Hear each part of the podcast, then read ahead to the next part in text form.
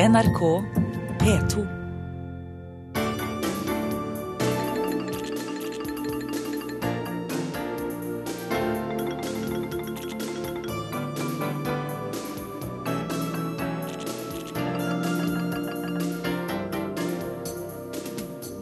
FN har slutta å telle de døde. Verden har begynt å se en annen vei. I dag fyller borgerkrigen i Syria tre år. Mohammed har rømt fra krigen. Han er ni, klarer ikke snakke om det han har sett. Men han kan tegne. To små fyrstikkmennesker ligger på bakken med blod som renner ut av halsen.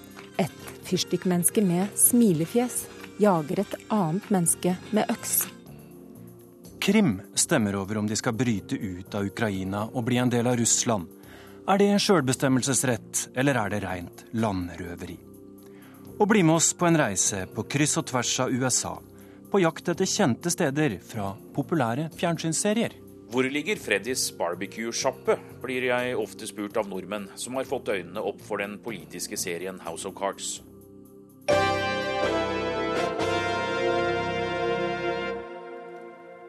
Velkommen til en time i selskap med utenriksredaksjonen i NRK. Dette er Verden på lørdag. Jeg heter Tore Moland. Det hele begynte med en flokk unger som malte slagord på en vegg. Slagordene var mot regimet, derfor ble ungene arrestert. Da samla det seg noen hundre mennesker utenfor moskeen for å kreve endring. Stedet var Dera i det sørlige Syria. Ingen visste at dette var starten på den syriske borgerkrigen. Tre år seinere har FN gitt opp å holde tall på hvor mange som er døde. Trolig er det nesten 150 000 mennesker. Syria er blitt så farlig at rapportene innenfra blir færre og færre, men noen få stemmer kommer ut. Han roper på Gud, men det synes ikke som om Gud finnes her, i åssiden utenfor byen Dera, helt sør i Syria. For her har tønnebomben slått ned. De graver ut en død mann, leter etter flere. En tønnebombe er en oljetønne fylt med sprengstoff, spiker og metallgjenstander. Hirak, sør i Syria. En utbombet gate som i så mange andre syriske byer. Men i ruinene ser du plutselig noen barn som leker. Og på en vaklevoren krakk sitter Um Favas, omgitt av sine barnebarn. De er 4000 mennesker igjen av de over 20 000 som bodde her.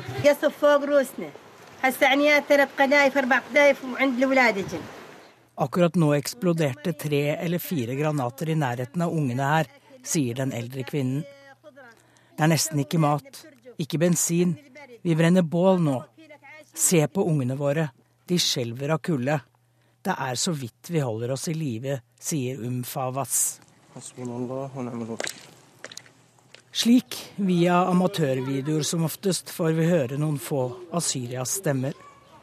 Fortvilte, oppgitte, men også noen ganger krigerske. For krigen går sin gang, og mennene med våpen er mange.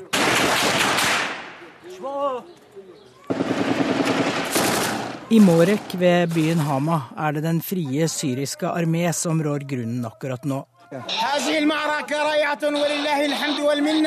Han kaller seg kommandør Ahmed Radman.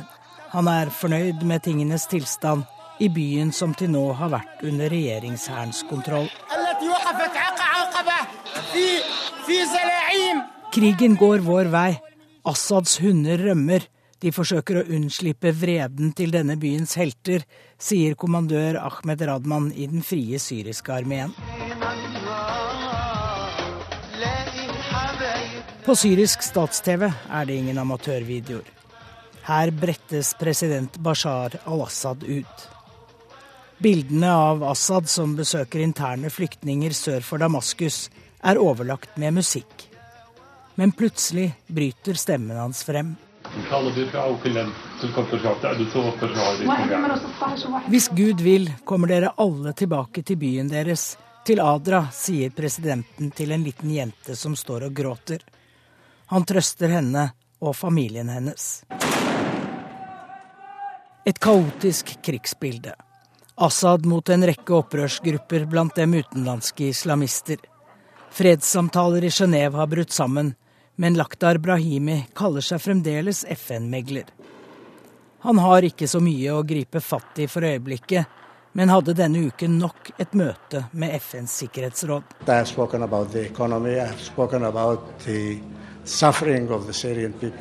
Jeg snakket om økonomi om det syriske folks lidelse, og om at vi gjerne vil fortsette prosessen i Genéve. Men da håper jeg det blir litt mer fruktbart enn det har vært til nå, sier FN-megleren Lakhdar Brahimi. På treårsdagen for borgerkrigen er det liten grunn til optimisme. Men noen er ikke villige til å gi seg. Som tolvåringen med snauklipt skalle og et muntert oppsyn som jeg ser på en amatørvideo fra en forstad til Damaskus. Han drar på en stor blå vanntønne.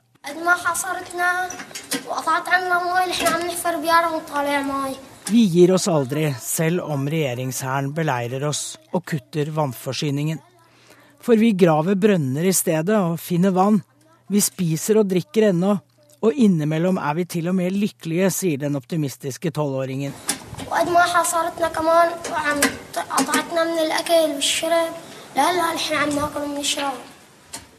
Det var eh, Anette Groth som hadde sanket sammen noen stemmer fra Syria. Korrespondent Sigurd Falkenberg Mikkelsen, du er med oss fra Kairo. Fins det noe som helst grunnlag for denne tolvåringens ukuelige optimisme? Nei, det gjør nok eh, ikke det. Eh, jeg treffer jo også jevnlig folk og syrere som klarer å opprettholde optimismen sin, men det er på tross av eh, alt. Men det er klart at denne livskraften den er helt nødvendig både for at denne tolvåringen skal overleve, også for Syria når det en gang skal bygges opp igjen. Men jeg er redd for at det blir lenge til. Du har jo vært ut og inn av Syria mange ganger i løpet av disse tre årene. Hvordan er det og nærmest dra på besøk til en borgerkrig med ujevne mellomrom på den måten? Altså, det er jo reportasjereiser, dette her. Eh, og fra et, både et personlig og et uh, journalistisk ståsted så føler man seg jo eh, utilstrekkelig. Jeg føler at vi ikke får fortalt, vi får fortalt ordentlig hva som foregår, at vi ikke kommer ordentlig til. At det blir små biter her og der, men sjelden det fulle bildet. og så er det nedslående å se en krig Eh, på nært hold eh, som ikke ser ut til å ha noen ende, og hvordan eh, folk blir mer og mer desperate, fattigere og fattigere. Sparepengene er brukt opp, matlagerne er tomme. Og det er flyktninger over hele Midtøsten som ikke har noen utveier lenger. Så ser vi også at, at uforsonligheten og også hatet mellom folk blir sterkere. Det er krigens logikk som, som fester seg. Og det er også klart at det, det, det gjør at framtidsutsiktene uh, blir ekstra vanskelig. Men så igjen så, så, møter man alltid helt utrolige mennesker også, som uh, klarer da å både opprettholde en, en form for livsoptimisme og uh, også en tro på framtiden midt oppi det hele.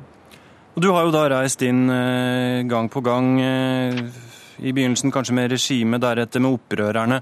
Eh, og så, etter at de begynte å slåss seg imellom, igjen med regimet i Damaskus. Eh, sier det uuttalt noe om styrkeforholdet i krigen? Hvilken side du som journalist drar inn på fra gang til gang? Ikke nødvendigvis. Eh, det er klart at det som har skjedd i eh, Nord-Syria eh, det siste tre kvart året, har gjort at det er helt umulig, så å si, for journalister, både vestlige og arabiske journalister, å jobbe. Det er rett og slett altfor farlig. Og så har noen av oss reist inn på, på regimesiden også en del ganger. Det mest slående med dette er jo kontrastene uh, både uh, mellom de forskjellige regionene, men også internt i Syria. Ta Homs f.eks., hvor gamlebyen er utsatt for en beleiring hvor folk spiser gress for å overleve. Så har man da en velfungerende by bare noen steinkast unna. Og Syria var altså et land med drøye 20 millioner innbyggere før denne krigen begynte for tre år siden. Nå er 6,5 millioner av dem fordrevet i sitt eget land. 2,5 millioner har flyktet utenlands. Ingen land i verden har flere flyktninger enn Syria. To små fyrstikkmennesker henger i to galger. To litt større ligger på bakken med blod som renner ut av halsen. Et fyrstikkmenneske med smilefjes jager et annet menneske med øks. Streker i sort og rødt på hvitt papir. Ni år gamle Mohammed kom til flyktningleiren Bar Elias i Libanon for to måneder siden. Da ville han ikke snakke, men han tegnet.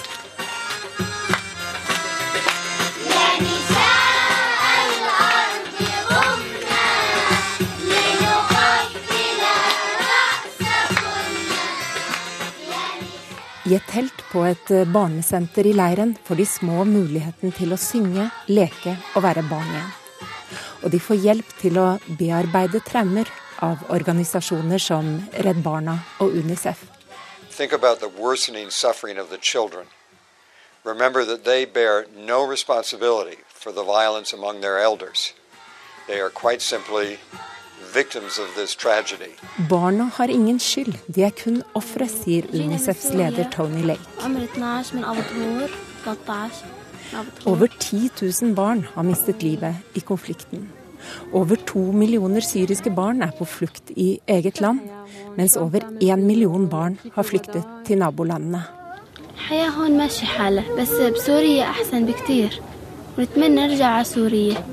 Jeg savner Syria. Vi hadde det fint før huset vårt ble ødelagt, sier 13 år gamle Naiva. Nå bor hun i et lite skur laget av pinner, striesekker og støvete tøystykker. Sammen med sju andre.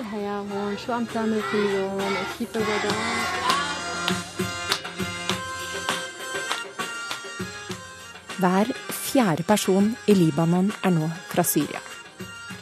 Landet har snart tatt imot én million flyktninger. Tyrkia har tatt imot over 600 000. Irak har tatt imot over 200 000, mens Jordan har tatt imot over en halv million syriske flyktninger. Mer enn 100 000 av disse befinner seg i flyktningleiren Satari. Så langt øyet kan se, er det tett i tett med hvite FN-telt på gråbrun, gjørmete sand.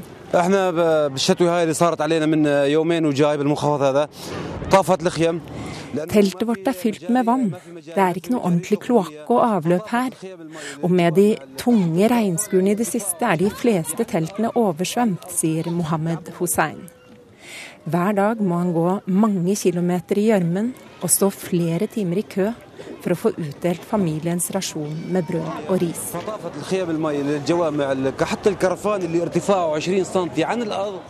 Jordanske myndigheter sliter med å dekke behovene til de syriske flyktningene som strømmer til hver eneste dag. Jordan har sine egne økonomiske problemer, og syrerne begynner å bli en belastning. Like fullt blir de ønsket velkommen being just a human being, then you would uh, reach out to these people and try to assist them as much as you can. Det er en menneskelig plikt å hjelpe, sier Suar Savalia, som er jordaner og jobber for Redd Barna. It doesn't matter. Uh, they're in a bad situation, and as Jordanians, we've always done that. It, it's not the first time. We've done that with the Palestinians, we've done it with the Iraqis, we've done it with the Lebanese, we've done it with Syrians now, and it's just the, the way we are.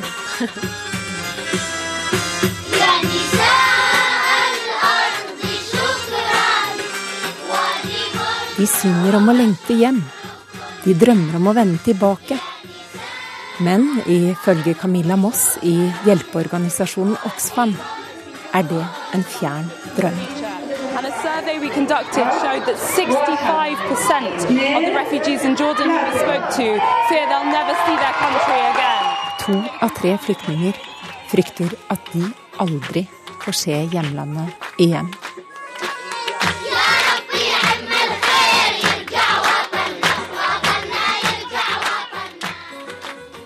Reporter her, Nina Baul Jørgensen. Sigurd Falkenberg Mikkelsen, vi hører nabolandene hjelper flyktningene som best de kan. Samtidig er det jo de samme nabolandene som engasjerer seg på hver sin side i krigen inne i Syria. Hvordan fungerer en slik cocktail av humanitær hjelp på utsida og militær medvirkning på innsida?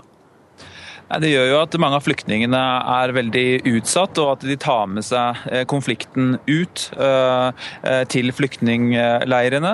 Det er nok tydeligst i Libanon, hvor det kommer flyktninger fra begge sider. Men vi ser også til en viss grad i Jordan. Mens i Tyrkia f.eks. lenger nord er det stort sett motstandere av Assad-regimet som flykter til. Men der har de derimot et stort problem med islam islamistiske grupperinger fordi den tyrkiske staten og den tyrkiske etterretningen ikke har eh, prioritert å, stanse eh, deres ferd inn eh, i Syria, som har gjort at de har kunnet etablere seg der, i motsetning til f.eks. hvordan jordanerne har håndtert dette. Så ser vi også at flyktningene er veldig sårbare for politiske skift her i regionen, som f.eks. her i Egypt, hvor de hadde veldig stor støtte da Mohammed Morsi fra det muslimske muslimske brorskapet var president. Så har det snudd eh, brutalt eh, etter at militæret eh, tok over, og nå er det svært vanskelig å være syrer her i Egypt. Det har vært mye snakk om destabilisering av regionen som følge av borgerkrigen i Syria, men øker eller minsker faren for en spredning i regionen dess lenger konflikten nå varer? Den øker. Jo, eh, for vi ser at konfliktlinjene eh, opprettholdes og at de eh, forsterkes til en viss grad. Vi ser f.eks. Libanon gradvis bli mer voldelig. og Det er også fordi Hizbollah er direkte involvert i krigføringen i Syria. Så ser vi også at Irak er mer ustabilt pga. krigen i Syria, og at det er også mange irakere som slåss da på regimets side. Sånn at dette er allerede en regional krig, og jo lenger det varer, Eh, jo mer farlig er det. Men det at Syria da nå forsvinner fra toppen av eh, både medienes og politikernes agenda, vi har sett det nå de siste ukene i forbindelse med Ukraina f.eks., endrer det denne dynamikken på noe vis? Nei, ikke egentlig. Øh, fordi selv om den forsvinner fra vestlige media, så forsvinner den ikke øh, nødvendigvis her i Midtøsten. Og øh, folk forholder seg til dette på, daglig, på daglig basis. Det de gjør, er at det er kanskje vanskeligere å få inn få fokus på den politiske siden, men også på nødhjelpssiden. Og det gjør igjen at, at mye av de negative dynamikkene forsterkes. Sigurd Falkenberg Mikkelsen, tror du vi kommer til å sitte her og markere den syriske borgerkrigens eh, fire- og femårsdager også? Er det noe som helst som går riktig i veien, eller som peker mot en eller annen form for slutt på dette her? Nei, ikke sånn som eh, jeg ser det nå. Så tror jeg dette kommer til å fortsette en god stund framover. Takk skal du ha, Sigurd Falkenberg Mikkelsen, med oss eh, direkte fra Kairo.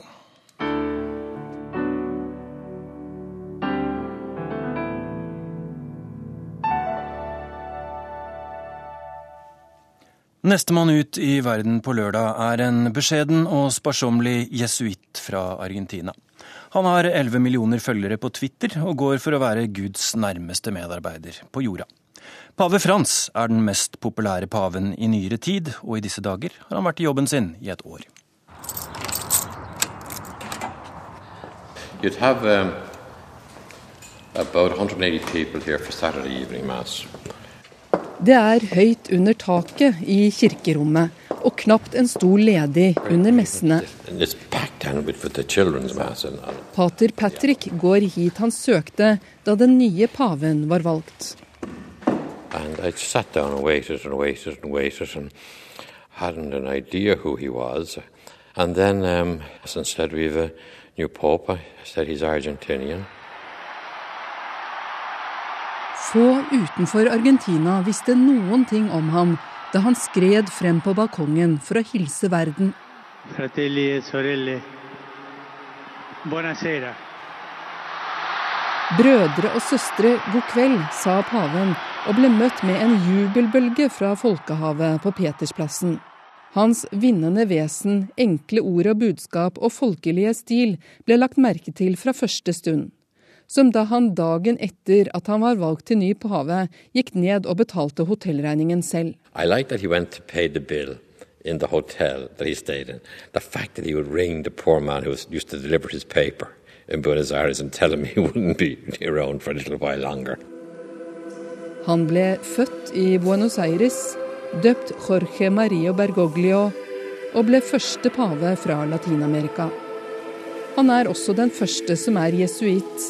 Den første på 700 år som overtar mens forgjengeren fortsatt lever. Og den første pave som har blitt kåret til årets mann av et homoblad. Hvis en homofil person søker Gud, hvem er jeg til å dømme? sier pave Frans. And that's what I like about him. He, he, he's asking us to think in a different way, to, to think outside the box. And that's what I find very attractive about him. Han vil at vi skal tenke utenfor boksen, mener pater Patrick. The, the fact that he wrote this particular letter recently. I boka 'Gleden av gospel', som paven ga ut for fire måneder siden, skriver han om sin mistro med kapitalismen, som han mener ikke kan løse problemene med millioner av fattige.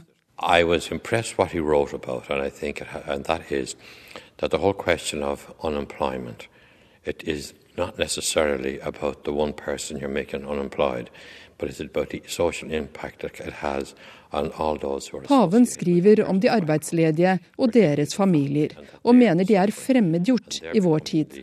new alienated people of this particular century. Nå valfarter pilegrimer til Roma som aldri før.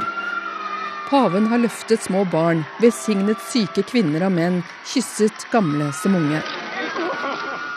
Han vil møte folk på deres nivå. Paven blir nærmest mottatt som en popstjerne hvor enn han er. Og i forrige måned trykket sågar The Rolling Stone et bilde av paven, som vinker og smiler på hele førstesiden. You know, there's a song, and the, line, the lines of it are, I may be a bit richer, but I still haven't got my picture on the, on the Rolling Stones.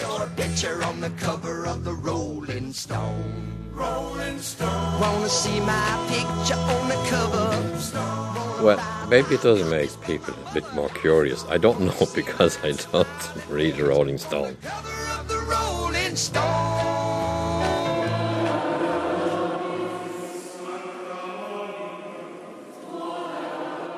Men selv om pave Frans snakker til folks hjerter, så står doktrinen fast. Homofile kan ikke gifte seg, kvinner ei heller bli prester, og prevensjon og abort er fortsatt forbudt. Mange av verdens 1,2 milliarder katolikker føler seg fremmedgjort grunnet kirkens moralske syn. I don't know what changes you can make in those areas. I really don't. The law of charity is still the primary law. Likevel, han oppleves som en mer åpen pave enn sin forgjenger pave Benedikt, som altså fortsatt lever. Come avere il nonno a casa. Ma il nonno saggio. Det er som å ha en bestefar i huset, eller han er som en far, sier pave Frans om sin forgjenger. Per me è come avere il nonno a casa, è come mio papà. Det var europakorrespondent Åse Marit Befring som hadde sett eh, nærmere på en pave som er litt annerledes i form, men kanskje ikke så annerledes i innhold foreløpig.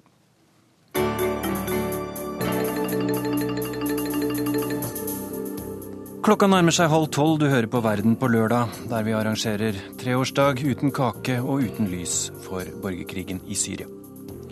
Om litt Nikita Khrusjtsjov ga Krimhalvøya fra Russland til Ukraina for 60 år siden. Nå ser Vladimir Putin ut til å ville ha gaven tilbake, og barnebarnet til Khrusjtsjov er forbanna.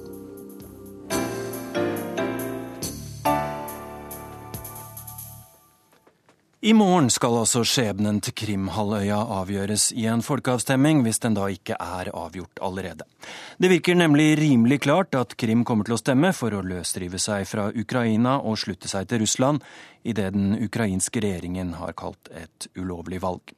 Spørsmålet er om det stopper med det. I natt var det sammenstøt mellom prorussiske og pro-ukrainske demonstranter øst i Ukraina, som kostet to mennesker livet.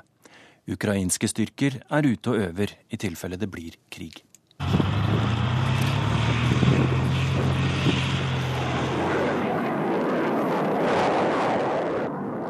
Ukrainske panservogner og militærfly øver utenfor Sytomir.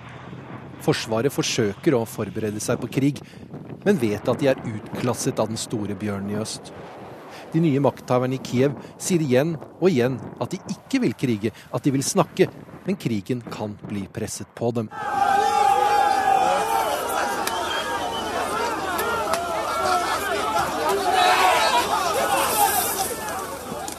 Helt øst i Ukraina begynner temperaturen å stige.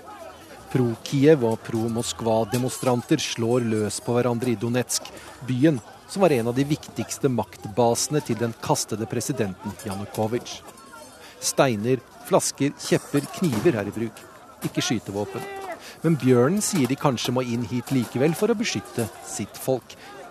Det vil sannsynligvis bety krig, for det er i Øst-Ukraina Kievs linje i sanden går.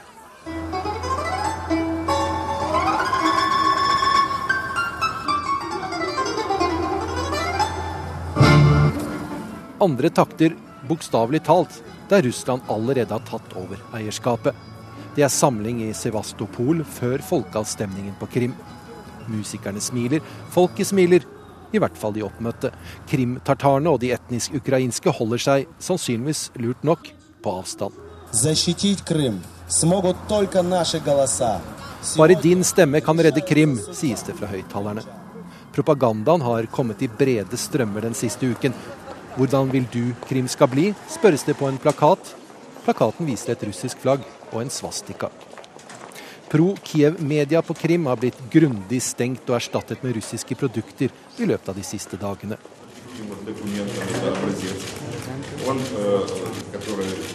Et annet sted i Sevastopol er det politisk fesjå. Valgkommisjonen ønsker å vise at alt er på stell før avstemningen.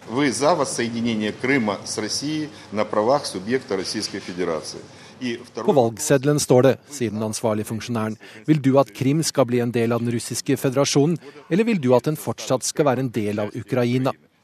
Han regner med 80% valgdeltagelse, det vil det ikke bli dersom krimtartarene gjør alvor av sitt løfte om boikott.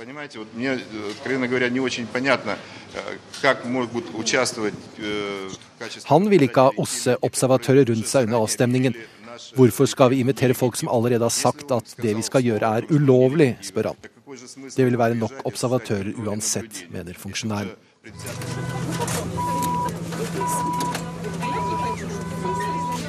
Også i samme by er det kø utenfor en minibank. Usikkerhet får dem til å stille seg opp. De vet ikke om bankene vil ha penger, eller om de vil ha begrensninger på hvor mye de kan ta ut.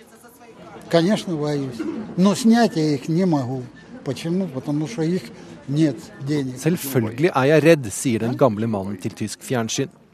Du kan ikke være sikker på noen ting. Ikke om det er penger, ikke om hvem som har makten i morgen. De hvite raner oss, de røde raner oss. Sa reporter Halvard Sandberg. Korrespondent Hans-Wilhelm Steinfeld, sist sett på Skavlan i går kveld. Nå har du nettopp ankommet Simferopol på Krim for å dekke folkeavstemminga der i morgen. Er det noe som helst som kan hindre at Krim blir russisk igjen nå? Det står i hvert fall på stappfulle fly fra Moskva hit til Simferopol i morgentimene og gjennom dagen i dag. Og at det er svært mange um, krimrussere som bor i Moskva, som kommer hit nå til helgen for å bruke sin stemmerett. 70 av befolkningen på Krim er jo russisktalende, og det er helt utvilsomt at uh, de kommer til å svare ja på dette spørsmålet om Krim skal være en egen uh, republikk. De fleste vil nok også gjerne at Krim skal inn i Russland, for de vil aldri bli anerkjent av verdenssamfunnet. Så det blir nok et uh, ja i denne folkeavstemningen. Og det er klart at i resten av Ukraina så beveger det seg en oppfatning om at denne russiske minoriteten her i Ukraina brukes som en etnisk grensekolonne av Putin-regimet i Russland. Og det at Putin har rykket inn med 6000 mann her, det er det dobbelte av det norske forsvar, er jo det groveste brudd på europeisk rett siden den sovjetiske invasjonen i Tsjekkoslovakia i 1968. Ja, hvis vi ser på folkeretten her, er det noen som helst argumenter for at dette er eh, folk på Krim som utøver sjølbestemmelsesrett, eller er det et rent russisk landrøveri? En blanding av tingene. Fordi eh, russerne her på Krim, det var russerne som, som, som bosatte seg på Krim. Det har aldri egentlig vært ukrainsk land. Og da Khrusjtsjov ga dette til Ukraina i 54, var det ingen som spurte om befolkningens mening. Og da jeg rapporterte herfra etter Sovjetunionens oppløsning for eh, 22 år siden, så var det heller ingen som spurte russerne på Krim om de ville være med Russland eller være med Ukraina. Og det at det er en så ekte forbannelse i den russiske befolkningen her, forteller jo alt om at verken den ukrainske eller den russiske eliten på 22 år har klart å skape noen følelse for den selvstendige postsovjetiske ukrainske republikken. Og så Slik sett så er bildet på Krim ganske klart. Det som derimot er veldig farlig nå, det er denne uroen vi ser spre seg til de sørøstlige storbyene som Kharkov, Dnepropetrovsk og, og Danetsk. To drepte i natt i Kharkov. Slikt kan helle bensin på separatistglør blant russere i Øst-Ukraina, som aldri har vært russisk land. Og skulle det som nå skjer på Krim spre seg til de regionene etter denne helgens folkeavstemning, så står vi gud bedre meg foran den verste krisen i europeisk sikkerhetspolitikk siden det verste under den kalde krigen. Og midt oppi dette så pågår det selvsagt en voldsom propagandakrig, Hans-Wilhelm Steinfeld. Hvordan, hvordan merker du den? Den merker både i Russland og her. I russiske medier er den giftige hets mot regimet i Kiev å sammenligne med den hatefulle hetsen som Polen ble utsatt for i 1981, før Sovjetunionen tvang polakkene til å innføre unntakstilstand etter at solidaritet til Øst- og Friforbundene i Øst-Europa ble grunnlagt i 1980. Så det er nærmest som de har hentet frem manuskriptene fra propagandamaskinen til russerne, både fra 1968 og Tsjekkoslovakia og Polen 1981. Så gjør naturligvis også regimet i Krim sine, i Kiev sine feil. De stenger russiske TV-kanaler. De har innført lover som minoritetene her oppfatter som en slags reduksjon av deres rettigheter til å bruke eget språk. Så det er ingen dialog, det er det ikke. Og det er en situasjon som er mer sprengbar for hver dag som går, fordi det internasjonale samfunnet helt åpenbart er på sidelinjen og helt inadekvat når det gjelder å påvirke situasjonen mellom russere, som utgjør kun en fjerdedel av befolkningen i Ukraina, og det store flertallet. Hans-Wilhelm Steinfeld direkte fra Simferopol på Krim for å dekke folkeavstemningen der i morgen. Vi kommer til å få høre mye fra ham det neste døgnet. For 60 år siden var det Nikita Khrusjtsjov altså som ga Krimhalvøya fra Russland til Ukraina. Og nå ser Vladimir Putin ut til å være i ferd med å ta gaven fra den gang tilbake. I USA sitter Nikita Khrusjtsjovs barnebarn og har særdeles lite til overs for Putins oppførsel. Verden på lørdag har møtt professor Nina Khrusjtsjova, som mener bestefaren hennes bare ville det beste for Ukraina. I think his fondness of Ukraine also played a part.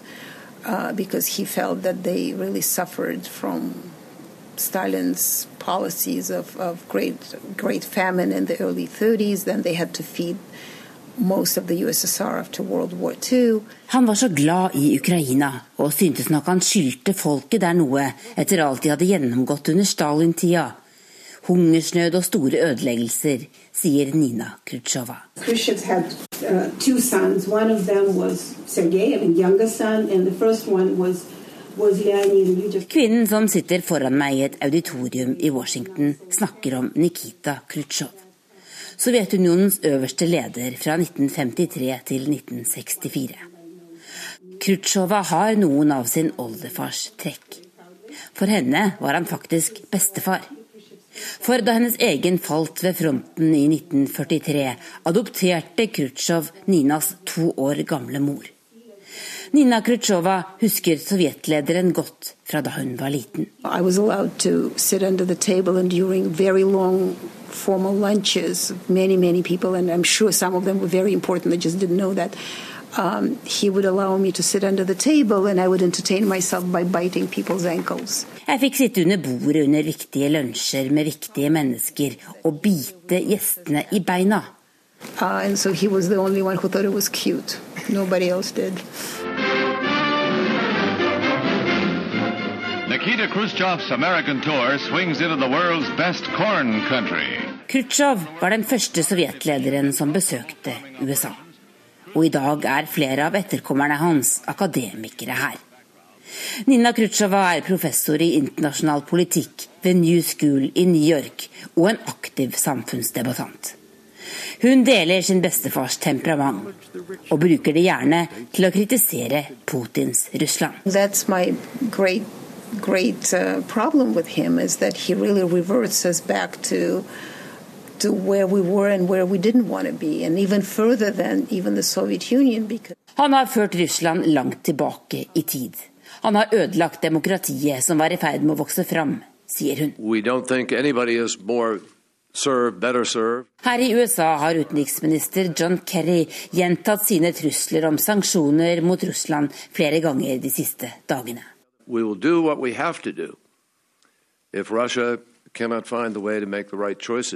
Men opposisjonen mener Obama-administrasjonen må gå knallhardt til verks dersom Krim blir russisk etter folkeavstemningen i morgen. Her er republikanernes senator Lindsey Graham. Obama should say. I will never go to a meeting, the G8 or the G20, with Putin in attendance. If he goes, I don't.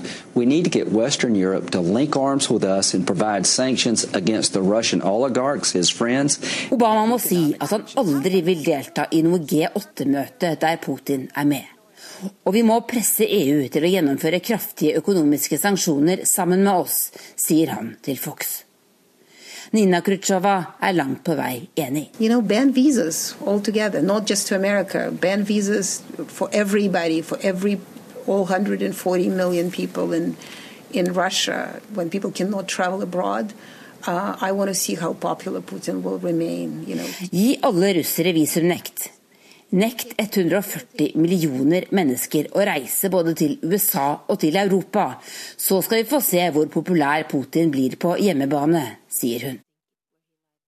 Den amerikansk-russiske professoren er sikker på at Krim blir russisk territorium nå. Mitt møte med Khrusjtsjovs barnebarn er slutt. Og jeg bare må stille spørsmålet hun er så lei av. Hva ville uh, din grandfather do, do you think, were he alive today? I dag? Jeg vet I'm, you know, maybe maybe he would send tanks, maybe he wouldn't. But it has been 60 years plus 60 years since he died, so I, I really don't think it's it's a question that anyone could answer or even speculate. Das Vorgehen Russlands in der Ukraine ist ein eindeutiger Bruch grundlegender völkerrechtlicher Russlands fremferd i Ukraina er et entydig brudd på grunnleggende folkerettsprinsipper, sier Angela Merkel i sin regjeringserklæring i forbundsdagen her i Berlin nå på torsdag. Og Merkel slår fast at den planlagte folkeavstemningen på Krimhalvøya i morgen vil føre til at EU allerede på mandag vedtar en opptrapping av sine straffetiltak mot Russland.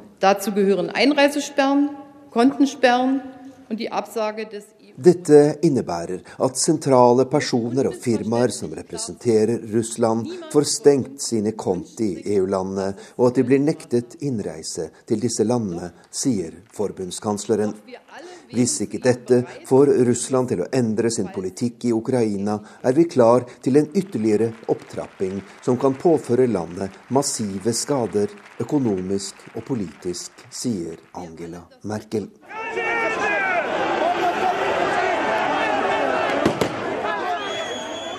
Den dramatiske opptrappingen i Ukraina har gjort et sterkt inntrykk på tyskerne, og en tredel av dem sier i en meningsmåling at de frykter krig. Et flertall i den tyske befolkningen er imot å bruke økonomiske straffetiltak mot russerne, bl.a. fordi dette vil ramme tyskerne selv.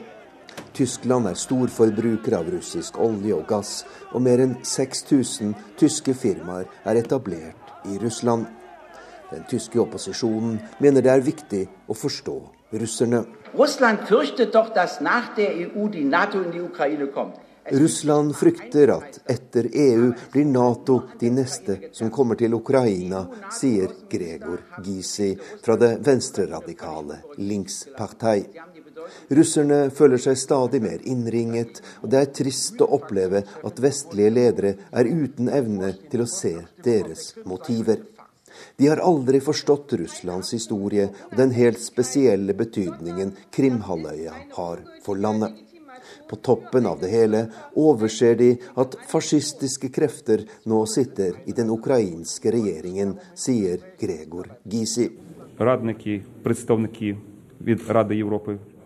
Dagen før folkeavstemningen om løsrivelse av Krimhalvøya synes situasjonen å være helt fastlåst, og en av de få aktørene som fortsatt har tillit både i Russland og Ukraina, er Europarådet. Generalsekretær Torbjørn Jagland har denne uken besøkt den ukrainske hovedstaden, og har også hatt møter med den tyske ledelsen her i Berlin. Det største problemet i Ukraina er at landet mangler en grunnlov som fordeler makt, slik vi har i vestlige demokratier, sier Jagland. Det er ikke noe uavhengig rettsvesen. Det er ikke noe uavhengig politi og påtalemyndighet. Og det har skapt en mistillit i befolkningen.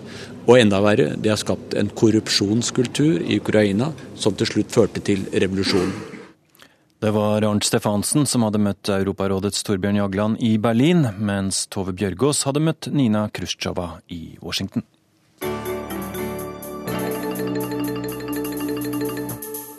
Denne uka ble det vedtatt en svært omstridt ny lov i Israel. Heretter skal ultraortodokse jøder tvinges inn i militæret. I Israel er det to og tre års verneplikt for både kvinner og menn, men de mest troende har sluppet unna til nå og fått lov å vie seg til religiøse studier i stedet. Og sånn har det vært helt siden staten Israel ble grunnlagt. Nå er det slutt, og sånn blir det bråk av, forteller Sissel Wold. Bønn og demonstrasjoner, og fullt av svartkledde menn med svarte hatter i titusenvis har både Israels og USAs ultraortodokse befolkning demonstrert og bønnfalt sin gud om at loven som skal tvinge dem inn i militæret, ikke må vedtas. Men bønnene nådde ikke frem denne gangen. Med 67 stemmer for og bare én imot vedtok Knesset den historiske loven som beordrer unge ultraortodokse menn til å ta sin del av byrden i det israelske forsvaret. Flere partier boikottet riktignok avstemningen som vedtok den omstridte loven. For alle andre israelske menn har måttet tjenestegjøre tre år i militæret, og deretter en måned hvert år de neste 20-30 årene. The ultra Orthodox community, uh, which is nearly a tenth of the Israeli population, has been isolated and as an ideology Det ultraortodokse samfunnet, som utgjør 10 av befolkningen, har isolert seg med sin ideologi. De har verken deltatt i militæret eller i arbeidslivet, sier parlamentariker i Knesset Dov Lippmann fra det sekulære partiet Yesh Atid. Det fins en fremtid. Denne loven skal og må sørge for at de ultraortodokse sakte integreres både i militæret og i arbeidslivet. Uh, For økonomien vår tåler ikke at en tiendedel av befolkningen rett og slett ikke bidrar, forklarer Lippmann. Å få de ultraortodokse inn i militæret har vært en årelang bitter og opphetet strid. De sekulære israelerne omtaler de ultraortodokse, eller haredim som de kalles i Israel, som parasitter. Ikke bidrar de med noe til fellesskapet, men sosialbidrag og barnebidrag fra staten, ja, det vil de ha. De ultraortodokse på sin side mener at det er dem som holder religionen og Den hellige bok Toran, ja, hele det jødiske folket, i live. Hadde de vært som de ugudelige israelerne i Tel Aviv, eller som jødene i USA som assimilerer seg, hadde ikke det jødiske folket overlevd. De ultraortodokse mener at unge menn må vie sitt liv til bønn og Torah-studier, og ikke kaste bort tiden med trivielle saker som det militære. Uh, I am uh, against, really against, because uh, Torah is the heart of Israel. Jeg er helt imot denne loven, for Toraen er Israels hjerte og grunnen til at verden er blitt til, sier denne ultraortodokse mannen som heter Jakob Smagda, til Reuters. Staten Israel har ikke lenger lov til å kalle seg for en jødisk og demokratisk stat. Den ultraortodokse befolkningen vil ikke glemme og ikke tilgi statsminister Netanyahu og hans allierte for denne svarte dagen. Vi kommer til å nekte militærtjeneste, sier Knesset-medlem Moshe Gafni fra Torah-partiet. Loven er helt uakseptabel, sier Knesset-medlem Itzak Vaknin fra det ultraortodokse partiet Shas. Fordi den sier at en jøde som studerer Toraen, begår en forbrytelse og kan sendes i fengsel. Å studere de hellige skriftene er en plikt, og er selve grunnlaget for vår eksistens, ifølge den folkevalgte Vaknin. Israels første statsminister David Ben-Gurion skånet det da lille miljøet av ultraortodokse jøder fra tjeneste i uniform. De var så få da, og nazistenes utryddelser hadde gått hardt utover dem. Men med sine store barnekull, ofte på ti-tolv barn, har Haredi-samfunnet vokst seg stort og mektig. Og i takt med denne veksten har den ikke-religiøse befolkningen krevet at de også må være med på å dele byrdene. Denne soldaten setter ord på sinnet under en demonstrasjon. Jeg har ikke sett verken kona mi eller min fire måneder gamle sønn på to uker. Hva driver dere med? Vær menn dere også. Det er først og fremst det sekulære partiet Yeshatid som har drevet frem denne loven. Partileder og finansminister Yair Lapid sier at lovvedtaket er en revolusjon. Jeg er opprømt, men ikke glad, for nå gjenstår det for myndighetene og den israelske hæren å håndheve denne loven, sier Lapid, etter å ha oppnådd sin største politiske seier.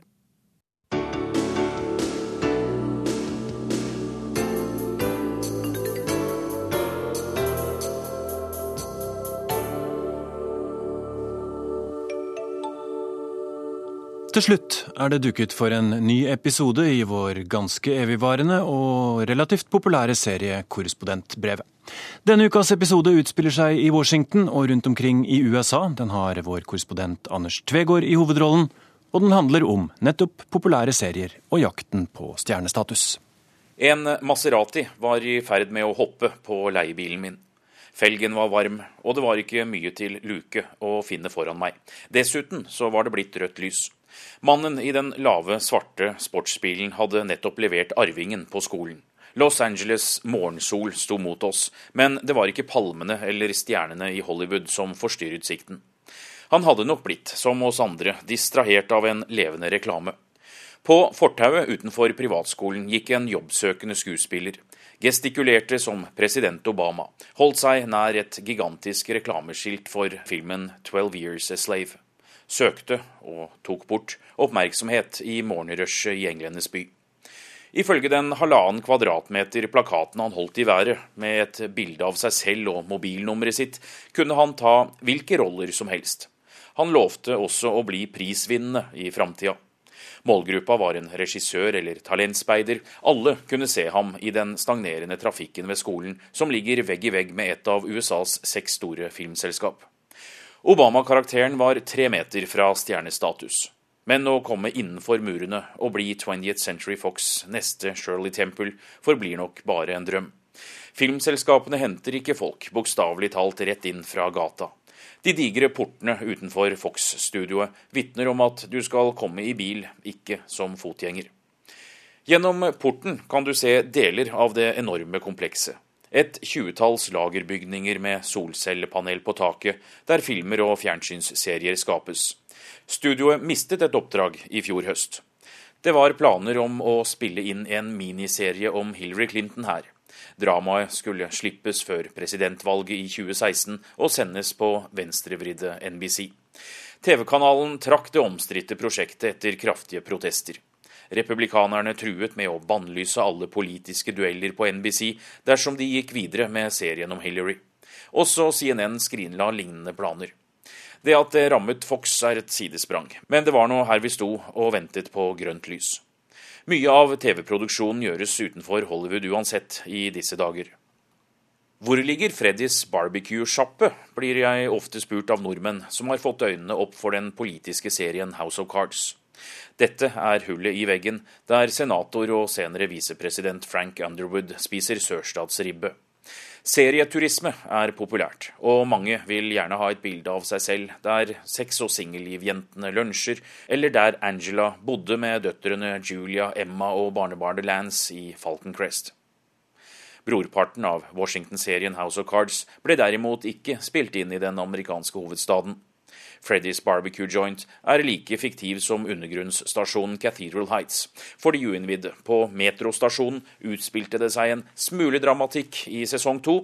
Men det er ikke et stopp som heter Cathedral Heights i Washington, om du ville se hvor det skjedde. Opptakene ble gjort i Baltimore, i nabostaten Maryland. De var flinkere å tilby logistikk, færre regler og avgifter enn Washington. House of Cards har utsatt innspillingen av sesong tre til sommeren, fordi produsentene ikke er fornøyd med skattelettene de får fra Maryland. Diskusjonen kunne nesten ha vært en episode i serien. Produsentene sier de kan rive ned settet og flytte opptakene til en mer vennlig delstat, om ikke politikerne gir etter. Eller som de formulerer det selv i brevet til Marylands sjefer, vi ville ikke vært ansvarlige finansmenn og et suksessrikt produksjonsselskap hvis vi ikke hadde holdt bærekraftige muligheter åpne. Utpressing kalles det på norsk. Maryland har lenge forsøkt å tiltrekke seg filmproduksjon. Det gir inntekter og skaper arbeidsplasser for delstaten. Takken til dem som vil satse, er et skattelette som tilsvarer en firedel av utgiftene. Myndighetene i Maryland har anslått at innspillingen av House of Cards første sesong ga en økonomisk uttelling på over 800 millioner kroner. 1800 bedrifter var involvert, og over 2000 innbyggere i delstaten fikk midlertidig jobb, enten i produksjonen som statist eller serviceleverandør. Filming setter delstaten på kartet, og ringvirkningene er vanskelig å dokumentere på et papir. New Mexico har mye å takke Walter White for. Det nye Hollywood sies å være New Mexico, i alle fall av New Mexico selv. Sannheten er at 42 delstater i USA har justert skatteregimet i sjenerøs retning for å tekkes filmindustrien. New Mexico var tidlig ute, har mange solrike dager og nærhet til Hollywood. Alt fra prærie til storbyer. De klarte å lure til seg serien Breaking Bad, en av de mest prisvinnende og mest sette seriene her i landet. Planen var å spille inn historien om den desperate kjemilæreren i Los Angeles. Altså historien om mannen som får en kreftdiagnose og vil sikre familiens økonomiske framtid gjennom å koke metamfetamin. New Mexico tilnærmet seg produsentene med tilbud om rabatter på 30% Nå er Albuquerque blitt en turistattraksjon, og skattelettene delstaten ga, viser seg å ha vært en god investering. Jeg tok selv en selvguidet tur rundt i Breaking Bad-land. Oppsøkte huset der hovedpersonen bodde, bilvaskeriet, hurtigmatkjeden osv. Jeg var ikke alene. Josh fra Chicago var på forretningsreise. Han utsatte returen med en dag for å ta løypa. Han hadde planlagt i detalj hva han ville se og fange med kamera. Josh har vært fengslet av Breaking Bad siden serien startet i 2008. Han mener noe av suksesskriteriet ligger i ektheten detaljene.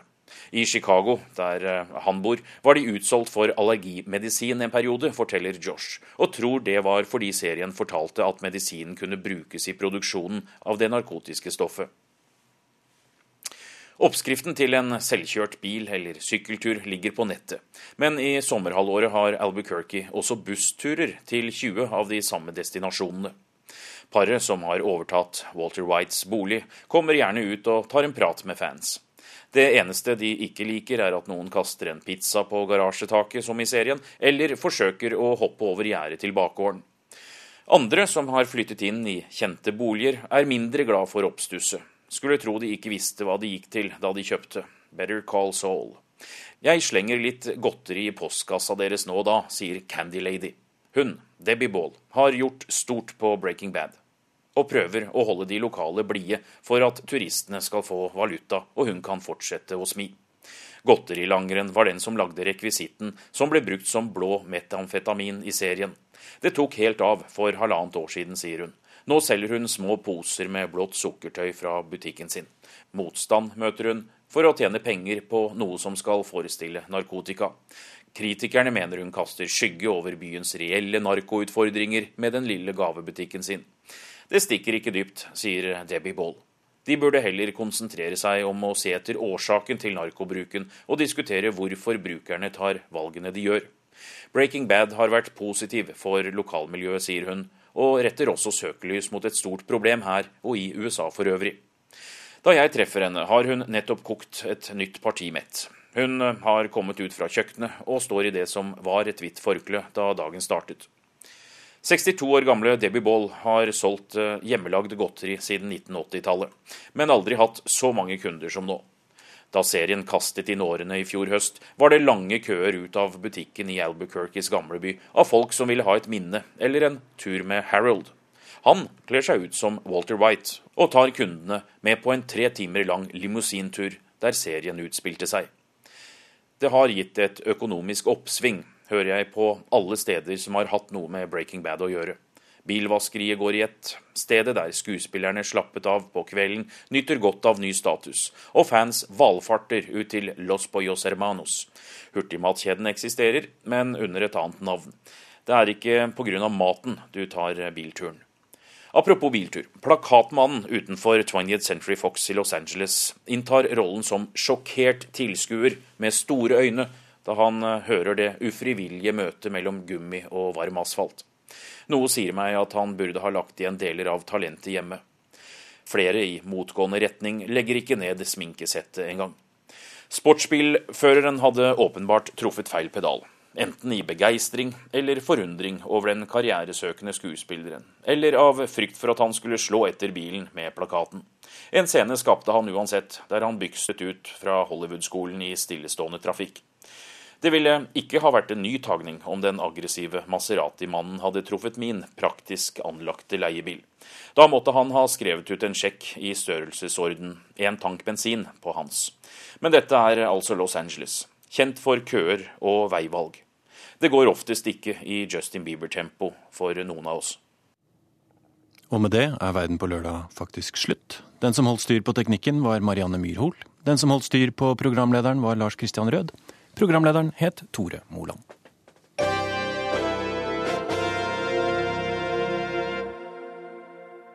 Hør flere podkaster på nrk.no podkast.